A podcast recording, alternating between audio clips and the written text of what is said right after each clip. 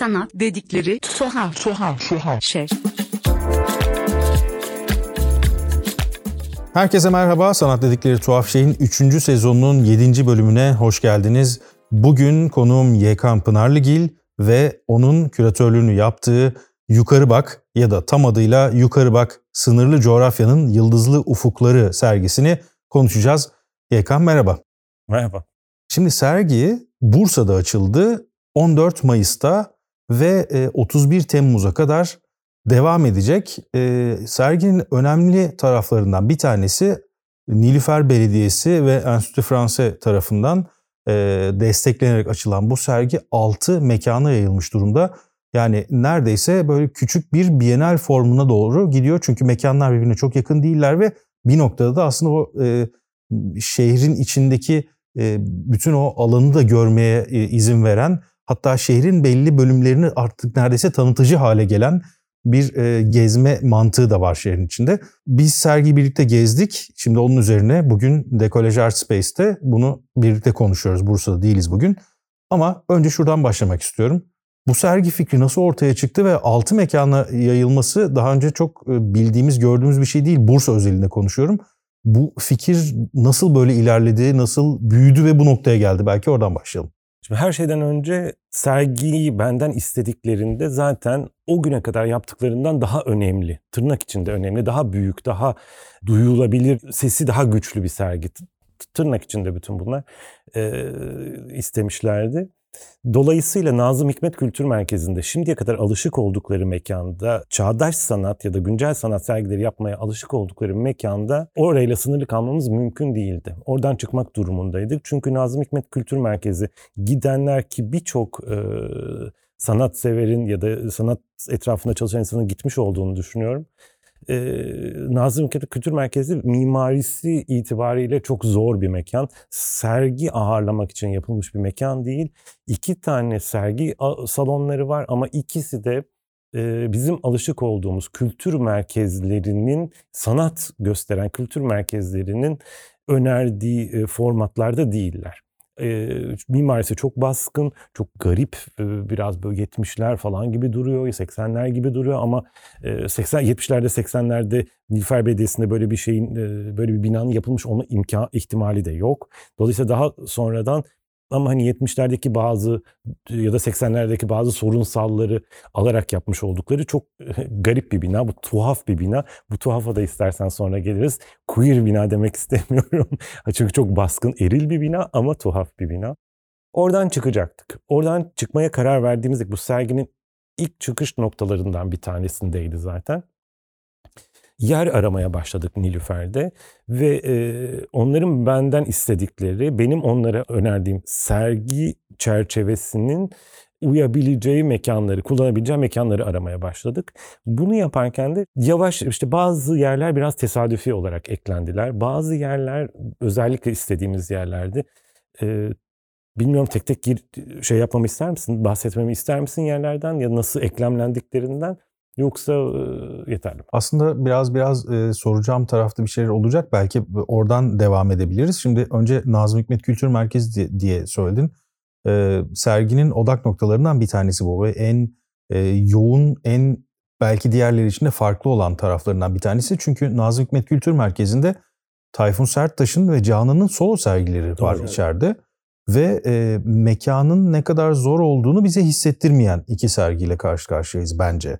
Çok teşekkür ederim. Çünkü bir küratörün duyacağı en iyi e, eleştirilerden bir tanesi bu herhalde. Ve o tarafa geri dönecek olursak e, tuhaf dedin. Aslında bu e, biraz da tabii kendi üstüme alınarak söylüyorum. Çünkü bu programın adı da sanat dedikleri tuhaf şey ve o tuhaf gerçekten biraz önce senin söylediğin tuhafla bence çok uyuşuyor diye düşünüyorum. Belki oradan başlayalım. O sergilerdeki tuhaflık e, nasıl hissediliyor senin tarafında? Çünkü izleyici olarak bana geçen tarafı çok başkaydı diye tahmin ediyorum. Belki onu konuşabiliriz. Nazım Hikmet Kültür Merkezi'ndeki iki sergi Canan ve Tayfun gerçekten birer monografi olarak düşünüldü. İkisinin de serginin sorunsallarıyla bağlantılı yaklaşımları vardı. Çok başka yerlerden çok e, paralel esasında plastik öneriler getiriyor iki sanatçı da. Tayfun bir biliyorsun bir müze kurdu. Doğa Tarihi Müzesi. hikayesi, bütün hikayeyi şimdi e, anlatıp sürprizini de kaçırmayalım. Ama e, Batı aydınlanmasından yola çıkan, onu eleştiren, onun Osmanlı'ya ve Türkiye'ye yansımalarını vurgulayıp tekrar eleştiren ve bunu yaparken de çok eğlendiren, çok kıkırdatan bir sergi Tayfun'un sergisi. Çok ağır, çok karanlık, çok siyah bir sergi ama bir yandan da gerçekten bir şey işte Ceylan poposu bizi karşılıyor mesela sergide.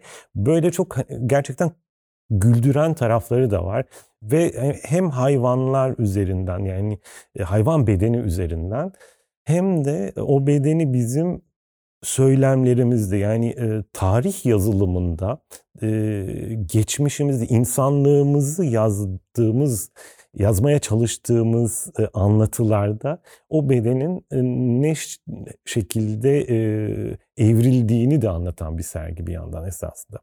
Canan'ınkisi de alt katta olan esasında aydınlanmadan çok daha önce çok daha eskilere giden e, tamamen işte toplumsal hayal gücünün tekrar okumak üzerinden. Toplumsal hayal gücü dediğimizde zaten direkt olarak şeye e, hayvan bedenine ya da hayvanlara atfettiğimiz sembollere onun e, onları kendi varoluşumuzu anlatmak için kullanma şeklimize giden esaslı şeyler, e, yaklaşımlar. Canan masalları tekrar yorumluyor bir şekilde. E, farklı farklı yerlere giden, farklı farklı noktalardan yaklaşan masalları var. Çok daha aşk, çok daha e, sevgi, işte e, şehvet, zevk, e, rüya, e, hayal bütün bunlara e, çok daha direkt yaklaşıyor Canan. Masallar çok daha dolaylı yoldan anlatıyorlar esasında bazı şeyleri. Canan onları bizi biraz daha yaklaştırıyor diyebilirim. Yine hayvan bedenleri üzerinden işte ceylanı var ya da e, şahmeran da var mı? Şahmeran var aynı şekilde. Yılanlar Yılan var. var. Yılan bütün e, altı sergide de neredeyse gördüğümüz bir e, şey. Sembol diyelim ya da beden nasıl istiyorsak. E, Canan'la şey Tayfun'un paraleli bu şekilde. Ben onu şöyle de anlatıyorum. Serginin başlangıç ve bitiş noktaları. Ya bir tanesi başlangıç, bir tanesi bitiş. O önemli değil. Tayfun'dan başlayıp Canan'da bitirmiş ya da Canan'da başlayıp Tayfun'da bitirmiş olabiliriz. E, sergiyi biraz bir döngü şeklinde esasında düşündüm. Orada e, Nazım'dan başlayıp Nazım'da bitiriyoruz. Bir de belki söyleyebileceğim şey e, Nazım'daki bu iki garip mekanı kullanma fikri çünkü orası olmadan olmayacaktı e, Nilüfer'in çağdaş ya da güncel sanat mekanı orasıydı. Yukarıdaki ikinci kattaki Tayfun'un bulunduğu yerdeki alan çok yüksek tavanlı ancak çok e, mimarisi hakikaten işte paravanların olduğu, panellerin olduğu duvarlarda e, çelik e, strüktürlerin gözüktüğü, e, garip bir ışıklandırmanın olduğu bir mekan. E, esasında tiyatronun fuayesiymiş. E, sanat e, galerisine tırnak içinde çevirmişler. E, alttaki alanda zaten e, garajıymış. Arabaları park ettikleri yermiş. E, ama böyle bir ihtiyaç olunca o, şey, e, dönüştürmüşler. Orada da tam tersine tavan aşırı derecede basık. Dolayısıyla oraya uygun sergiler getirmemiz gerekti. Tayfun'un müzesi öyle bir alanda çok iyi işliyordu. Hatta neredeyse biraz e, mekanını alay eder durumdaydı ve çok da iyi yerleşti gerçekten oraya. E, Canan'ın da tam tersine bir mağara hissi uyandıran e, sergisi işte masallarını anlatıyor. Biraz daha e, nasıl diyeyim e, Fransızca'da fötre deniyor ona. Böyle bir e, daha işte hani yumuşak daha korunaklı bir alan diyelim. İnsanı içine doğru çeken. Biraz zaten Canan da karanlıklardan aydınlığa, Tayfun aydınlıklardan karanlığa ya da e, tam tersi. Böyle bir durumda. O da o yüzden iyi işlediler o mekanlarda. Biraz önce aslında bunları söylerken bedenden bahsettim. Bu çok önemli bir vurguydu. Çünkü senin yaptığın işlerde, daha önceki yaptığın işlerde beden vurgusu çok ön planda ve hatta belki bunları senin küratörlük evrenin içindeki e, farklı alanlar olarak bile düşünmek mümkün. Çünkü e, yaptığın bütün işler bir noktada birbirine o beden üzerinden sanki bağlanıyor gibi bir durum var. E, Foucault'un iktidarın gözü kitabında belirttiği bir iktidar tanımı vardır ve o iktidarın hiçbir zaman aslında bizim bildiğimiz ya da ilk başta aklımıza gelen politik iktidar olmadığından bahseder ve bunun bedensel olan tarafı da aslında o iktidarla çok bağlantılıdır der ve yukarı bakta söylediğin şeylerin üzerinden de düşünüldüğünde bu beden ve iktidar ilişkisini ve belki biyopolitika üzerinden düşünebileceğimiz o ilişkiyi kurmak mümkün. Bunu e, işte yılan örneği aslında iyi bir örnekti. Çünkü her yerde bunun bir yansımasını görüyoruz ve sanki onun farklı mekanlarda o farklı alışma süreçlerinde nasıl ortaya çıktığını da biraz biraz anlıyor gibiyiz. Ee, peki diğer mekanlara geçecek olursak belki biraz daha zamanı etkin kullanmak açısından söyleyebilirim bunu. Nazım Hikmet Kültür Merkezi çok yoğun alanlardan biriydi. Bir başka yoğun alan ise artık solo sergilerden bir karma alana gidiyoruz. Pancar Deposu. Ve Pancar Deposu daha öncesinde çok farklı kullanılan bir yerken ilk defa bu sergi için dönüştürülmüş bir mekan. Ee, ben içeri girince çok heyecanlandım çünkü bu alanın bu şekilde kullanılmış olması ve hani dışarıdaki bahçesiyle işte yan tarafta e, traktörler, traktör parçaları falan dururken içeride böyle bir alanı dönüştürmesi bana çok heyecan verdi. Bursa özelinde de heyecan verdi. Belki İstanbul'da biz biraz daha buna e, yakındık ama bu şekilde bir adım atılması iyiydi. Orada o sergi kurgusu nasıl çıktı? Karışık, birbirinin üzerinde gibi duran ama aslında çok güzel ayrışan ve çok iyi bir kurgu içinde hikaye anlatan bir düzen var orada. Her şeyden önce çok teşekkür ederim. Pancar deposu hakikaten ilk gördüğümüzde çok heyecanlandığımız İstanbul ya da büyük şehirlerde işte ne bileyim tütün deposunu zaten İstanbul'da bilir. İzmir'de de tütün deposu daha önce kullanıldı. E, ya da ne bileyim e, Madrid'de de tütün deposu aynı şekilde sanat merkezine çevrilmiş durumda. Dünyanın birçok yerinde yapılıyor. Büyük şehirlerde alışığız fakat Bursa'da hakikaten açıkçası ikna etmek çok kolay olmadı belediyeyi. Çünkü çok büyük bir mekan. Depo olarak kullanıyorlardı. Ee, içinde e, aklına gelebilecek bilimum eşya vardı. İşte 10 tane 15 tane belki at arabası, dişçi koltukları, temizlik malzemelerini depolamış oldukları gerçekten depo olarak kullandıkları bir yerde.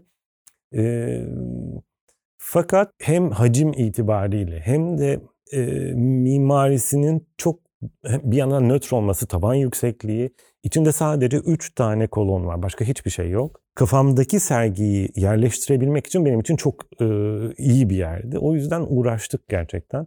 Belediye çalışanları da sağ olsunlar ikna olduktan sonra orayı boşalttı. Ciddi bir e, şey yaptılar orada. Mekana dokunmadık mimarisine ancak oranın içini boşaltmak gerçekten e, o bile başlı başına bir şeydi. E, ki tavanda birkaç sorunumuz vardı. E, su alıyordu. E, kuşlar yerleşmişler, yuvalar yapmışlar. Onları da çok büyük dikkatle ve hayvanlara zarar vermeden çıkardık. Bir kısmını çıkarmadık. Yapacak bir şey yok. E, eserlerin üzerine e, akşamları kapandıktan sonra sergi e, koruyucu poşet örtüyoruz. E, ama yer önemliydi. O yüzden orayı alabilmiş olmak bizim için çok büyük bir avantaj oldu. Dönüşecek bir yer. Bu ilk defa böyle bir sergi için kullanılıyor ve sanırım son defa kullanılıyor. Çünkü orayı dönüştürüp orada bir kültür yeri oluşturmayı planlıyor Nilüfer Belediyesi. Fakat bu bizim anladığımız yani şu sergide gördüğümüz şekliyle bir sergi mekanı olmayacak. Daha çok oradaki halkla, oradaki halkın gelebileceği, e, işte içinde deneysel bir mutfağın olduğu, kadınların gelip e, salça yapabilecekleri bu e, şey tırnak içinde söylüyorum ya da işte ne bileyim e, çocukların gelip gençlerin gelip eğlenebilecekleri sanatla yakından ya da uzaktan bir şeyler yaşayabilecekleri bir yer olacakmış. Pancar deposundaki serginin başlığı haz, ışıltı ve kahkaha. Aslında Nazım Hikmet Kültür Merkezi dışında bir de sadece Misi Fotoğraf Müzesi'nde böyle bir eksepsiyon gibi görebiliriz. Daha bireysel bir durum var. Ama onun dışında hep birçok sanatçının bir arada olduğu ve hep bir başlık altında gördüğümüz sergiler var. Bunları böyle kurgulamak da aslında alt başlıklar açmak da merak ettiğim bir fikir. Çünkü biraz sonra şeyi de soracağım. Yani yukarı bak sınırlı coğrafyanın yıldızlı ufukları tam olarak nereden ortaya çıkan bir isim diye soracağım. Çünkü oradaki alttan alta aslında gördüğümüz, duyduğumuz fakat çok da kendimizi belki yönlendiremediğimiz bir politik söylem de var. E oraya da belki gelmek doğru olacak ama önce haz, ışıltı, kahkaha ile başlayarak diğer bütün bu alt başlıktaki sergilerin nasıl çıktığını da merak ediyorum. Bunu sormak istiyorum. Şu bütün e, sergiler kendi içinde tutarlı olarak esasında hazırlandı. İşte Meteor Kültür Merkezi'nde ya da Meteor nasıl adla, e, çok yeni bir yer olduğu için onun da ad, ismi Balat Kültür Evi sanırım orası olacak. Orası kendi içinde, Pancar Deposu kendi içinde, Nazım Hikmet'teki sergiler kendi içinde tutarlı sergiler. Tutarlı derken özerk bir söylemi olan sergiler. Fakat bir araya geldiklerinde eklemlenerek bizim genel söylemi oluşturuyorlar. Peyzaj gibi ya da bir patchwork gibi de düşünebiliriz bunu. Farklı farklı cümleler kuruyoruz ve bir araya geldiklerinde metin oluşuyor gibi bir şey. haz, ışıltı ve kahkaha serginin zaten üç çıkış noktası. Çok kısaca belki çok da sıkıcı olmadan Nilüfer Belediyesi benden sergi istediğinde Boğaziçi'li e, öğrencilerin yaptıkları bu yukarı bak hareketi vardı. Aşağı baka e, şey olarak tepki olarak göster e, söyledikleri. E, oradan yola çıkmak istediler ve yukarı bak es, bizim bir şekilde nickname'di esasında. Ve çok benim kullanmak istemediğim bir nickname'di. Çünkü bak emir kipi olmasından çok rahatsızdım. Çünkü aşağı bak onun tamam pozitif yansıması gibi ama yine emir kipini yani e, metodunu, e, tahakkümün uygulandığı metodu biz kullanmış oluyoruz gibi geliyordu. E, fakat o kadar çok kullandık ki serginin adında kaldı o. E, bana rağmen kaldı. İnsanlar çok rahatsız olmadıklarını söylediler. Neyse bu her, herkesin kendi yorumuna kalmış sanırım şimdi. Çıkış noktası o yukarı bak o yüzden. Sınırlı coğrafyanın yıldızlı ufukları o da şuradan geliyor. Genel bu söylem e, oluşurken yukarı bakmak fikrinden bana benim aklıma e, bu eskiden eski ya da halen bazı yerlerde yapılabilen ama geceleri gökyüzüne bakma hikayesi geldi. Tamamen fiziki, bedenden yola çıkıyoruz demiştin ya ya da beden hani bütün sergide hissediliyor. Esasında her şey gerçekten benim bütün yaklaşımlarım bedenle alakalı. Yukarı bakan bir beden düşündüğümde aklıma gelen iki tane şey, iki hatta üç tane hareket ya da beden e, ne denir ona jest oldu. Bir tanesi gerçekten gece yazın ışıltılı e, bu yıldızlı gecelere bakmak. Çok büyük bir baş dönmesi. Bilmiyorum öyle bir şansın oldu mu olmadı mı ama gökyüzünü ve yıldızların görülebildiği coğrafyalarda ki bu coğrafyalar çok sınırlı coğrafyalar. Bir insanın dünya üzerinde yapmış olduğu ya da kurmuş olduğu medeniyetin e, etkisi tırnak içinde medeniyet diyorum yine. E, biz o gökyüzüyle olan baş döndürücü iletişimimizi kopardık. E, bambaşka yer, gri gökyüzlerinin altında yaşıyoruz. Dumanlı gökyüzleri İstanbul'da e, yukarı yani kafanızı yukarı kaldırarak görebilirsiniz. E, her gece o ışığın o siyahı nasıl engellediğini, o baş dönmesini engellemesi tabii bedeni çok basık bir alana hapsetmesiyle alakalı esasında bu. Dolayısıyla bu ışıklı gökyüzüne gönderiyor, yıldızı gökyüzüne gönderiyor. Ve oradaki baş dönmesine gönderiyor tabii ki. Biraz sarhoşluğa ihtiyacımız var. Çok fazla kare ve düz yaşıyoruz bir yandan. İkincisi kahkaha yine e, aşağı bakarak kahkaha atmak çok zor. Kahkaha zaten seni yukarı doğru kaldıran bir, bir, bir hareket, bir diyaframdan çıkan bir, diyaframdan gökyüzüne doğru açılan bir hareket ve hani ataerkil toplumlardaki hepimiz ataerkil toplumlarda yaşıyoruz. E, kahkaha e, ciddi bir düşürücü güç yani düşürücü hareket olarak aşağılayıcı neredeyse. İşte kahkaha atan bir kadın annelik statüsünden fahişelik statüsüne düşüyor ya da hoppa statüsüne düşüyor ve e, kahkaha atan erkek daha da beter oluyor. Çünkü ona verilmiş o eril şansı, o baskın tutumunu, baskın konumunu bırakıp kadınsı konuma iniyor. O bütün o gücü terk ediyor. Bu da çok aşağılayıcı bir durum bizim için. Fakat ben bunu biraz hani sanırım bununla oynamak gerektiğini, bunun üzerine çok güzel çalışmalar var. Nietzsche de burada çok ben ben felsefeci değilim o yüzden çok detaya girmek istemiyorum ama Nietzsche'nin ya da işte Bergson'un ya da ne bileyim Batay'ın gülme ya da üzerine yaptıkları çalışmalar var. İlgilenenler olursa yani gerçekten yepyeni bir dünya açılıyor. Kahkahanın olması da bu. Yani biraz o biz çok hafif görülen bir türlü kabul etmediğimiz işte bütün bu görgü kurallarında kahkaha atmamak üzerine görgü kuralları yazılmıştır. Batı dahil olmak üzere buna. Eleştirisi çok geç geliyor bunun.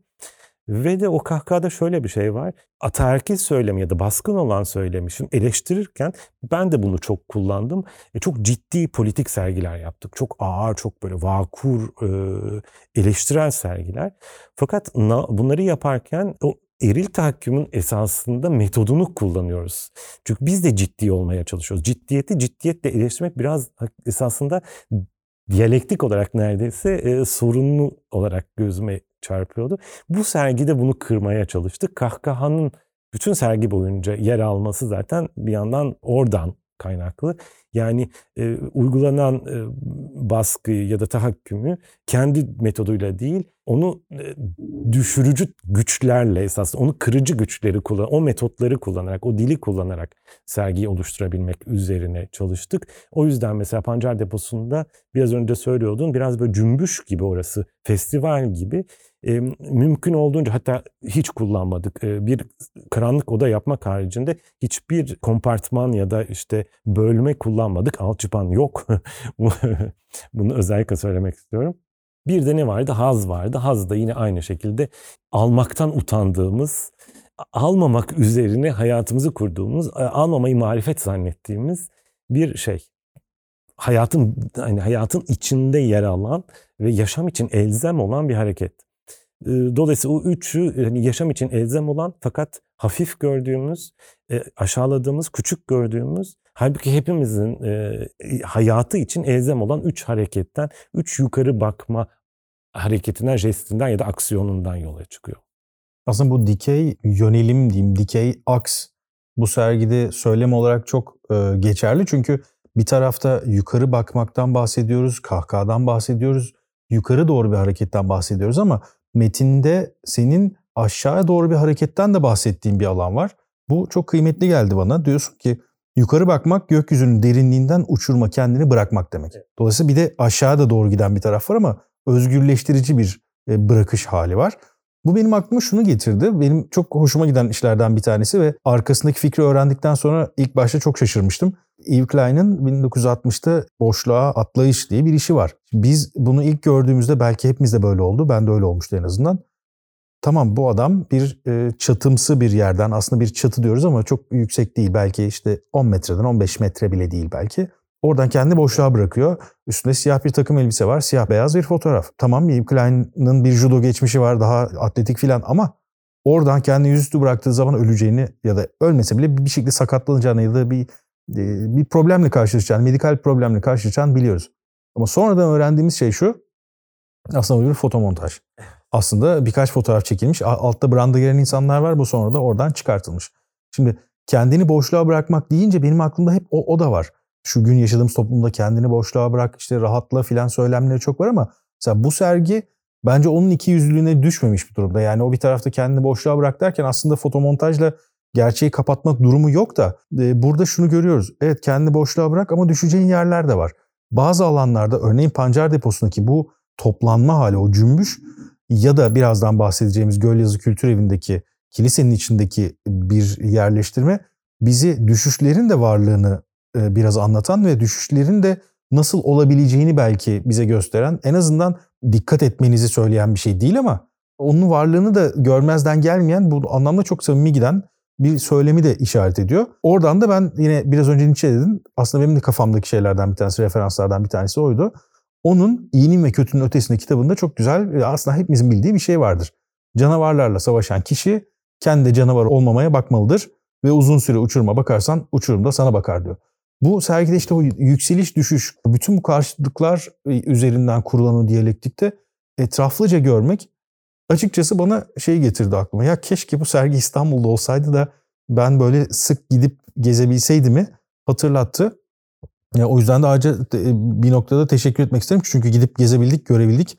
E, o tarafta ayrı bir yer. Şimdi e, Pancar Deposu'nda e, Anne Final, Ateş Alpar, Berat Işık, Berk Kır, Eda Soylu, Erinç Seymen, Gazel, e, Gözde İlkin, Güneş Terkol, Merve Morkoç, Şafak Şule Kemancı, Vahit Tuna ve Yasemin Bihter Adan'ın işleri vardı. Ekstra mücadele. Ekstra mücadele vardı bir de aynı zamanda. E, bunun dışında bu e, isimlerden bazılarını başka alanlarda da görüyoruz. E, belki buradan e, Gölyazı Kültür Evi'ndeki ince elemek sık dokumak başlıklı bölüme geçebiliriz. Çünkü o da bana göre çok yoğun alanlardan bir tanesiydi. İş parça başına baktığımız zaman iş çok fazla iş yoktu orada belki. Yani eser adı olarak söylüyorum. içinde çok çeşitli işler ama çok yoğun yerlerden bir tanesi de o mekanı kullanmak da ilginç bir seçim. Nasıl ortaya çıktı ve nasıl yerleşti onlar? Esasında ilk baştaki soruna ikinci bir cevap daha vermiş oluyorum. Bu bir belediye sergisi. Belediyenin insanlara ulaşmak gibi bir misyonu var. Yani farklı çevrelere, e, farklı sosyal kesimlere ulaşmak gibi bir isteği. Belediye bunun için var.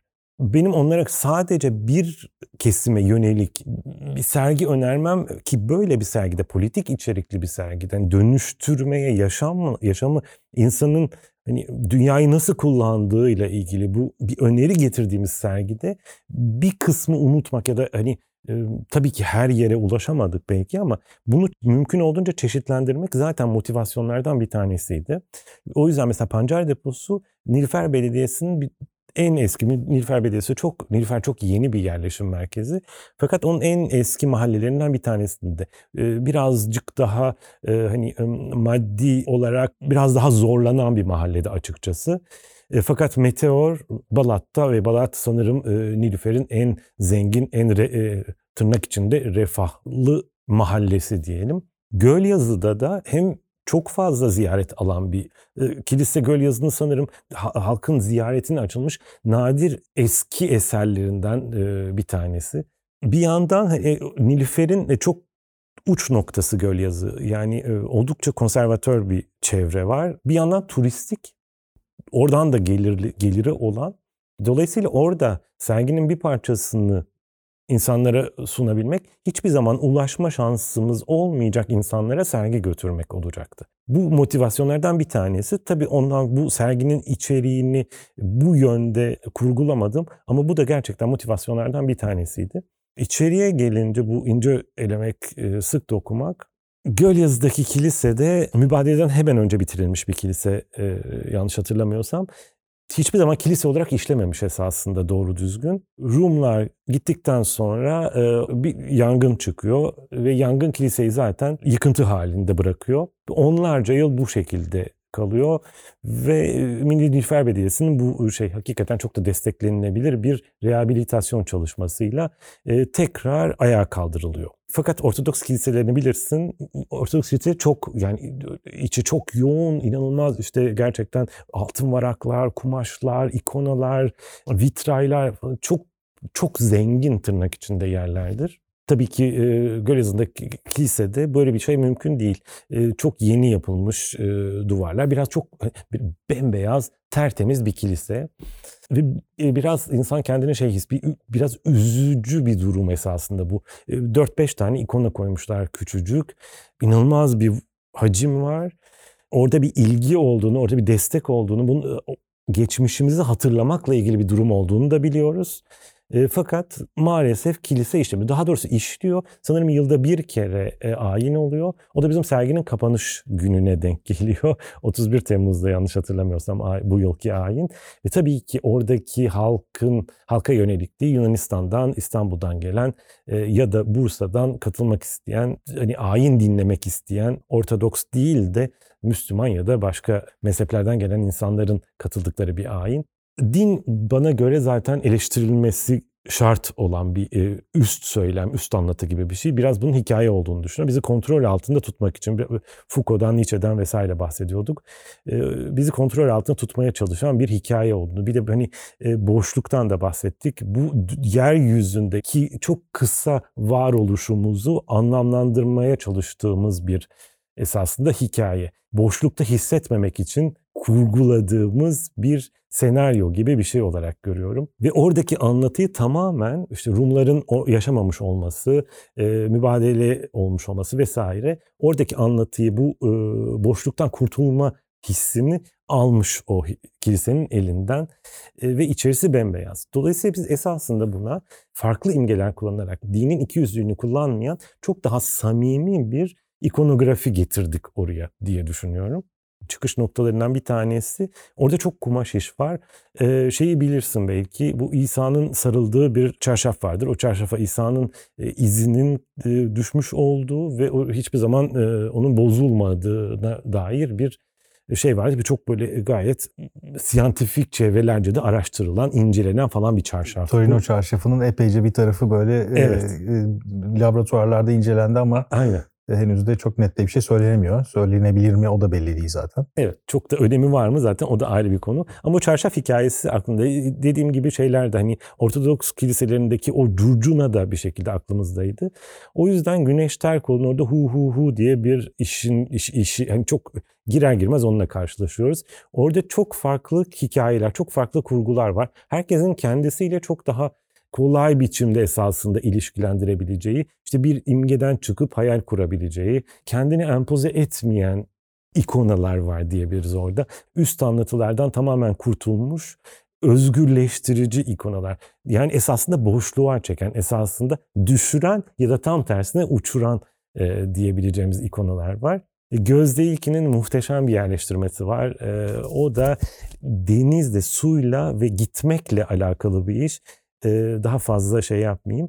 Ve incelemek sık var. Fatoş İrven'in de orada çok uzaktan baktığımızda böyle çok renkli, çok naif gibi duran, yaklaştıkça eleştirel gücünü açığa çıkaran işler var. Ve tabii Şafak Şule Kemancı'nın Yılanı var. O da sanırım bütün bu yılanı verilmiş yılanlar sadece yaşıyorlar ve bizim gibi niyetle e, hareket etmiyorlar ya da işte e, bir çıkarla hareket etmiyorlar bütün diğer hayvanlar gibi. Biz onlara abuk subuk şeyler veriyoruz semboller atfediyoruz. Ve yılan maalesef bunların en negatiflerinden bir tanesi. O yüzden serginin birçok noktasında, Canan'da da, Ançarlot Final'de de, e, Şafak Şuri Kemancı'da da yılanlar bizimle birlikteler. Biraz önce boşluktan bahsettiğinde aslında çok doğru bir yere doğru gidiyorduk Hala da biraz orayı açmaya çalışıyoruz. Çünkü sen daha önce şöyle bir şey söylemiştin. Sanat bize yaşam alanları açıyor. E şu anda yaptığın sergi de aslında bunun tam olarak bir illüstrasyonu gibi gözüküyor ama bunu her sanatçının gözünden nasıl gördüğümüze de bakıyoruz. Yani Tayfun'un açtığı yaşam alanındaki e, dokümantasyon tarafı, işte Canan'ın açtığı yaşam alanında işte o bütün kurgusallık ve yılanlar ve işte Şahmeran ve işte e, cinler var, bir şeyler var. Yani çok böyle başka masalsı bir şey üzerinden o yaşam alanını veriyor. Çünkü kendini anlamlandırdığı noktada biraz öyle. E, Pancar deposundaki de aynı şekilde bütün o alanın içine nasıl kurgulandığı çok şey değiştiriyor.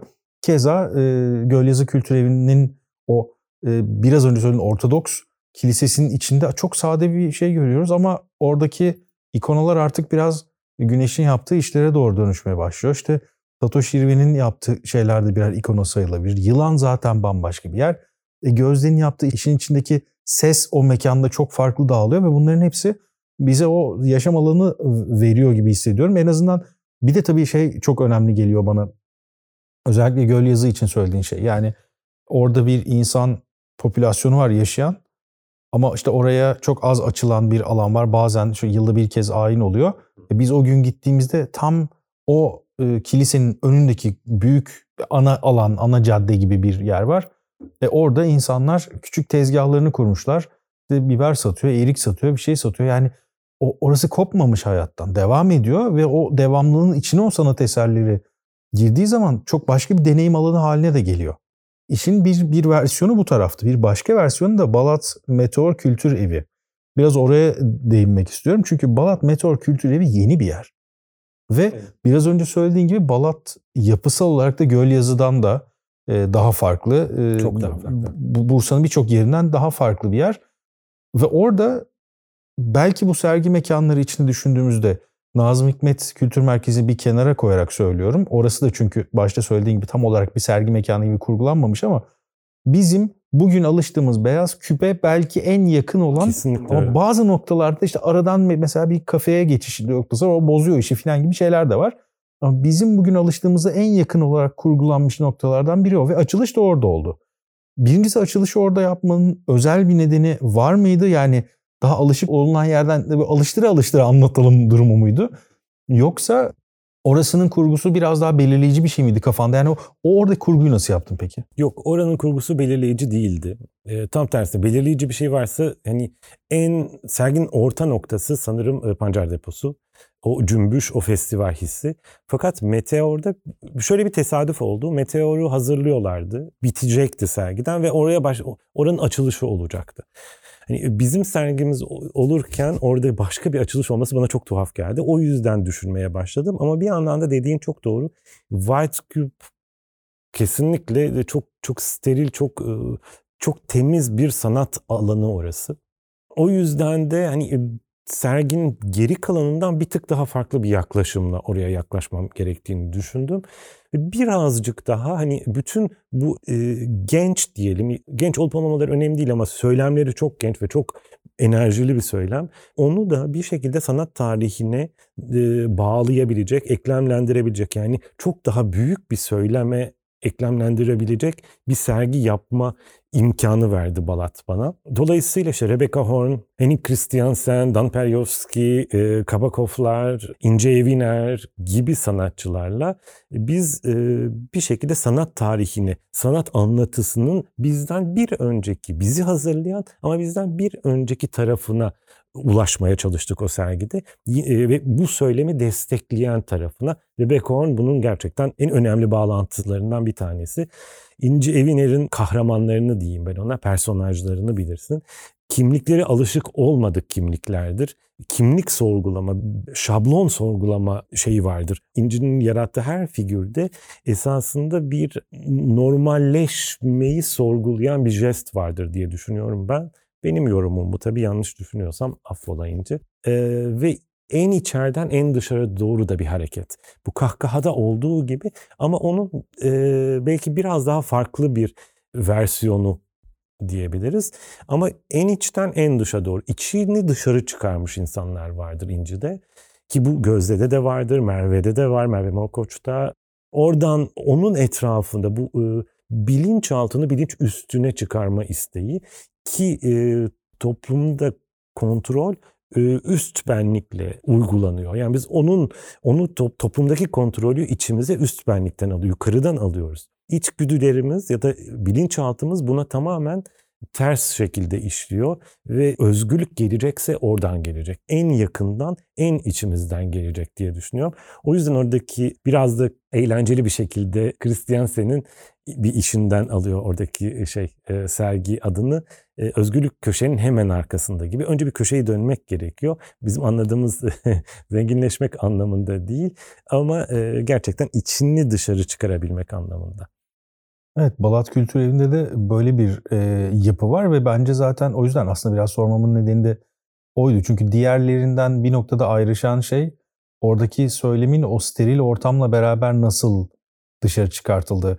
Aslında çok böyle birbirine karşıtmış gibi duran steril bir ortamla yani çok kontrolcü e, evet. ve çok e, bugün alışık olduğumuz o neoliberal toplumlar içindeki evet, evet. tamamen kontrol Doğru. toplumu içindeki bir görüntüden özgürlük fikri nasıl çıktı? O güzel bir kontrastı. O kontrastı orada görebilmek ve bu şekilde anlatımla görebilmek de iyiydi. O yüzden bence de aslında serginin ağırlık merkezi dediğin gibi ben de hissettiğim şey tam senin söylediğin şey oldu. Ben de pancar deposunu daha ağırlık merkezi olarak hissettim. Fakat başlangıç olarak işte bu kontrastı verebilmek bence çok iyi bir e, adımdı. O da okumayı belki başka bir noktaya çekti. Benim için çok böyle keyifli şeylerden bir tanesiydi. Bir de ayrıca e, e, ya eklemek istediğim şey varsa bunu tabii... E, Yok açılışla ilgili bir şey sormuştun. Onu atlam. Açılışın orada olmasının sebebi açıkçası açılış pancar deposunda mantıken olmalıydı doğru. Fakat pancar deposunun altyapısı buna çok mümkün. Tuvalet yok mesela en basitinden. O çok mümkün gözükmüyor. Çok daha zor olacaktı belediye için. Ve hakikaten sergiyi çok çok çok zorlanarak son anda yetiştirdik. Nedenlerinden bir tanesi o. Bir de gerçekten işte kokteyle çok uygun bir alanı vardı. Belediyenin de böyle bir isteğinin olması anlaşılabilir sanırım. O açılış o yüzden orada oldu. Yoksa fikren ya da ideal şartlarda açılış gerçekten pancar deposunun bahçesinde olmalıydı. Ama zaten biz bunu küratörlükte hep görüyoruz. Yani evet. küratörün kafasındaki evet, şey evet. hiçbir zaman o pratikte tam olarak uygulanamayabiliyor. Birkaç fire veriyoruz. E, bu çok çok normal ama sonuç olarak o hissiyatı verdikten sonra yani serginin tamamını gezen izleyiciler için ya da büyük bölümünü ağırlık noktalarını gezen izleyiciler için zaten bu fikir bence e, çoktan oluşacaktır diye düşünüyorum. Bu tarafta çok kendi içine ne dediğine çok sadık kalan, çok tutarlı giden bir sergi. Fakat burada enteresan olan noktalardan bir tanesi de e, Misi'deki Edebiyat Müzesi. Ben orada çok etkilendim çünkü Türkiye'nin Yeraltı Suları Fanzin Edebiyatı adlı bir e, başlığımız var. Bu başlığı oturtmak ve onun içini doldurmak gerçekten çok zor ve bu serginin arkasında böyle bir altyapıdan gitmek bence ciddi bir e, arşivcilik de burada devreye giriyor. Ve belki de net olarak politik göndermelerini biz alttan alttan okuduğumuz bir sergi var ve bence çok iyi bir ayarda yapılmış. Burada böyle artık bir yumruk gibi suratımıza çarpan bir alt kültür var. Ve ben bunu görmekten çok e, mutlu oldum çünkü bunun bir muadili yakınlarımızda İstanbul'da var mı bilmiyorum. Kesinlikle haklısın ben de bilmiyorum. Belki vardır ama varsa da e, bizim duymadığımız çok da görünür şeyler değiller. Onur Sakarya'nın açıkçası bir girişimi o. Şimdi e, fanzin sergisi bizim sergimizden önce düşünülmüş bir sergiydi. Fakat ben bu serginin hazırlandığını öğrenince çok heyecanlandım.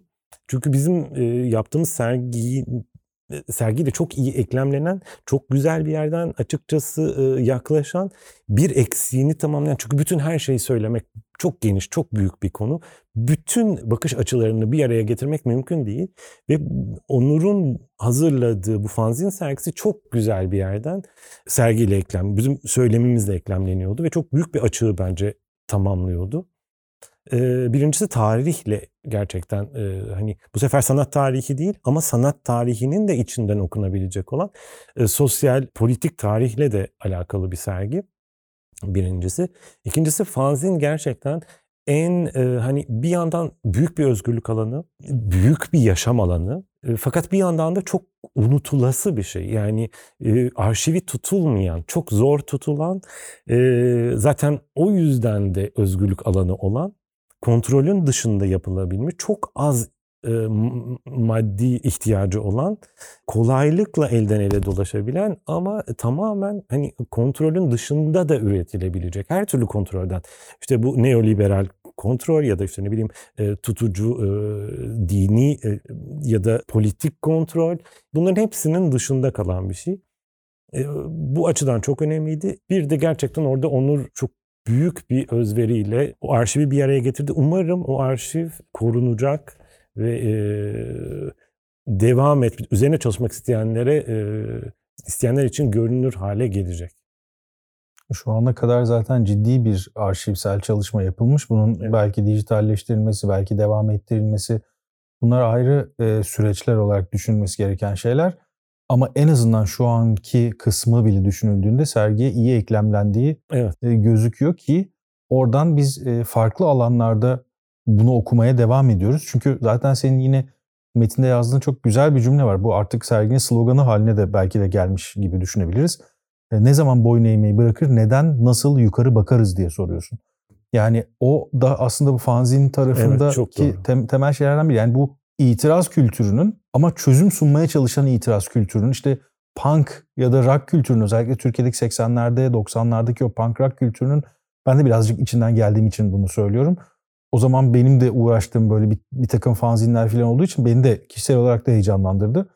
Onun çok net bir parçası ve bunu serginin içine koymak da bence iyi bir hareket olmuş. Çünkü kendi adıma küratörlük tarafında konuşacak olursam o steriliteden, o sterilizasyondan, o bütün o her şeyin çok bağlamından kopartılıp tek başına okutulmasından birazcık sıkılmış durumdayım. Evet. Ee, onu değiştirmemiz gerekiyor. Bu da bu anlamda çok iyi bir adım. Ee, sergi mekanlarının sonunda da e, Misi Fotoğraf Müzesi var. Orada Margaret Bornhauser'ın e, Siyah Yandığında diye mini sergi diyebileceğimiz bir alanı var. O onu nasıl dahil etmeyi düşündün? Çünkü o çok çok enteresan bir, bir nüans var orada. Onu görmek de çok kolay çok değil. Doğru. İtiraf etmek gerekirse şöyle bir avantajımız vardı. Ben daha önce Margaret'i göstermiştim Kasa Galeri'de. Derya Yücel'e buradan e, sevgi selam. Orada gösterdiğimiz işler esasında oradaki hatta sergiyi bu sergiyi hazırlayan yaklaşımlardan bir tanesiydi. Dolayısıyla Margaret'in işleri çok hani çok tatlı bir şekilde eklemleniyordu. Elimizde işler de vardı ve bir de fotoğraf müzesi gibi gerçekten Misi'de küçük bir e, mücevher gibi bir şey o. E, işte eski bir Rum evini e, şey yapmışlar, e, rehabilite etmişler. E, orada fotoğrafla ilgili bir kat, üst katı fotoğraf tarihiyle ilgili, fotoğraf teknikleriyle ilgili. Alt tarafta da çağdaş sergiler yapıyorlar. Orada bir fotoğrafçı gösterme fikri vardı. Hangi fotoğrafçıyı gösterebiliriz derken elimizdeki seçeneklerden bir tanesi ve en uygun da zaten Marguerite'ti ki siyah yandığında e, sanırım hani bu Ikarus'un güneşe doğru olan uçuşunu da düşünebiliyoruz. Ya da işte gece e, e, hani biraz önce bahsettiğimiz o, baş döndürücü karanlık, o baş döndürücü gecelerdeki yıldızların yanışını da düşünebiliyoruz ya da uçurum da istersek onun onu da düşünebiliyoruz ya da işte bir volkan hikayesi de oluyor. Ee, ve serginin sorunsallarıyla Margaret'in çok samimi, çok dürüst bir ilişkisi var. Onun bu mini sergisinde de beden ve bedenin dokusu rahatlıkla görülüyor. Renk, ışık ve gölgeyle oynuyor zaten Margaret çoğunlukla ve onu hani şeylere de işte ne bileyim mesela toprak ya da bitki gibi başka e, izlere de e, doğanın izleriyle de beden üzerine düşen izleri bir araya getiriyor ki sanırım bu da bütün serginin bütün çıkış sorunsallarına gidiyor. Orada şimdi Gattari'nin bir şeyi var. Üç Ekoloji diye bir kitabı var. O da serginin en hani e, temellerinden bir tanesi e, ya da su basman denir ya onlardan bir tanesi. Sergiyi direkt olarak etkileyen değil belki ama altyapısında olan düşünceler bunlar. Ekolojinin sadece yeşil ekoloji değil aynı zamanda sosyal ve bireysel ekoloji olduğunda ancak gerçek bir ekoloji olduğunu yani biz e, hala yeryüzünde yaşamaya devam etmek istiyorsak bu üçünü de e, aynı şekilde ve birbirleriyle eklemlenmiş bir şekilde götürmemiz gerektiğini söylüyor çok kısaca şey yapmak gerekirse biraz barbar bir söylem oldu ama Marguerite'de de bunları görüyoruz. Yani e, bir yandan bedenler var, bedenin üzerine düşen izler var, toprak var, bitkiler var, renk var. Küçük bir özeti gibi esasında şeydeki. Yani yeniden yani farklı bir arada yaşama şekilleri var. Ve tabii sübjektivitelerin çoğulluğu var. Çok küçücük bir özeti gibi gerçekten düşünebiliriz onda. Aslında sanırım konuşacak bunun üzerine daha çok şey var. Fakat evet. biraz evet, da artık süremizin biraz da dışına çıkmış bile olduk. Ama bütün bunlar bence çok samimi bir anlatımdı ve böyle detaylı bir şekilde bu kadar tabii büyük alana yayılmış, bu kadar katmanlı bir sergiyi anlatmak da bu kadar zaman için bile bence çok önemliydi. En azından izleyiciler için ve bu programı dinleyiciler için bir fikir verebilecek düzeyde. Tabii bu hiçbir zaman bir sergi gezmekle aynı şey olamıyor ama belki arşive böyle bir katkıda bulunmuş oluruz. Dolayısıyla bütün bu konuşmadaki e, anlattığın her şey için, samimiyetin için çok teşekkürler. Ben çok teşekkür ederim. Hakikaten e, söyleyecek çok şey var sergiyle ilgili. E, çok kapsamlı bir sergi sağ olsun sanatçılar. Çok çeşitli söylemler var. Beden dedik, bedenden konuşmaya başlasak gerçekten bambaşka bir yer açılıyor. Queer sergiyi baştan başa kat eden bir e, yaklaşım diyelim. Bu gerçekten hani hayvan ya da in, insan olmayan bedenler, onların hikayeleri var. Kumaş hikayesi var, iz bırakma hikayesi var, arşiv var Ateş Alpar'ı hatırlarsak. E, gerçekten daha e, derinleştirecek çok konu var. E, umarım ziyaretçiler yeterli e, zaman bulur, e, gidip görebilirler geldi. Evet birazcık zaman harcamak ve işte o yüzden en başta neredeyse bir bienal gibi bir yapıyla karşı karşıyayız ki yavaş yavaş gezip sindire sindire anlamaya çalışarak o işlere, e, o mekanlara, o e, içerideki gezinin bütün istediği süreye imkan vermek ve bunu biraz sindirmek gerekiyor ve e, dediğin gibi evet bunlar aslında üzerine çok konuşulacak başlıkları olan bir serginin parçaları.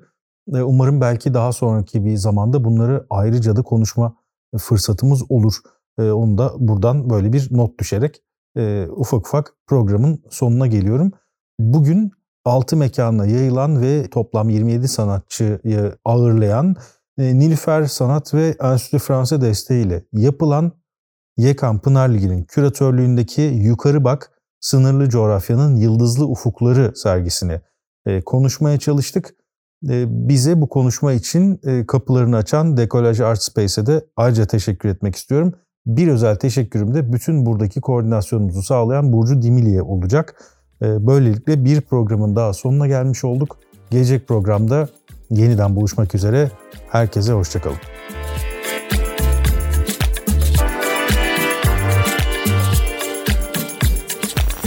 Tuhaf, tuhaf, tuhaf, tuhaf, tuhaf.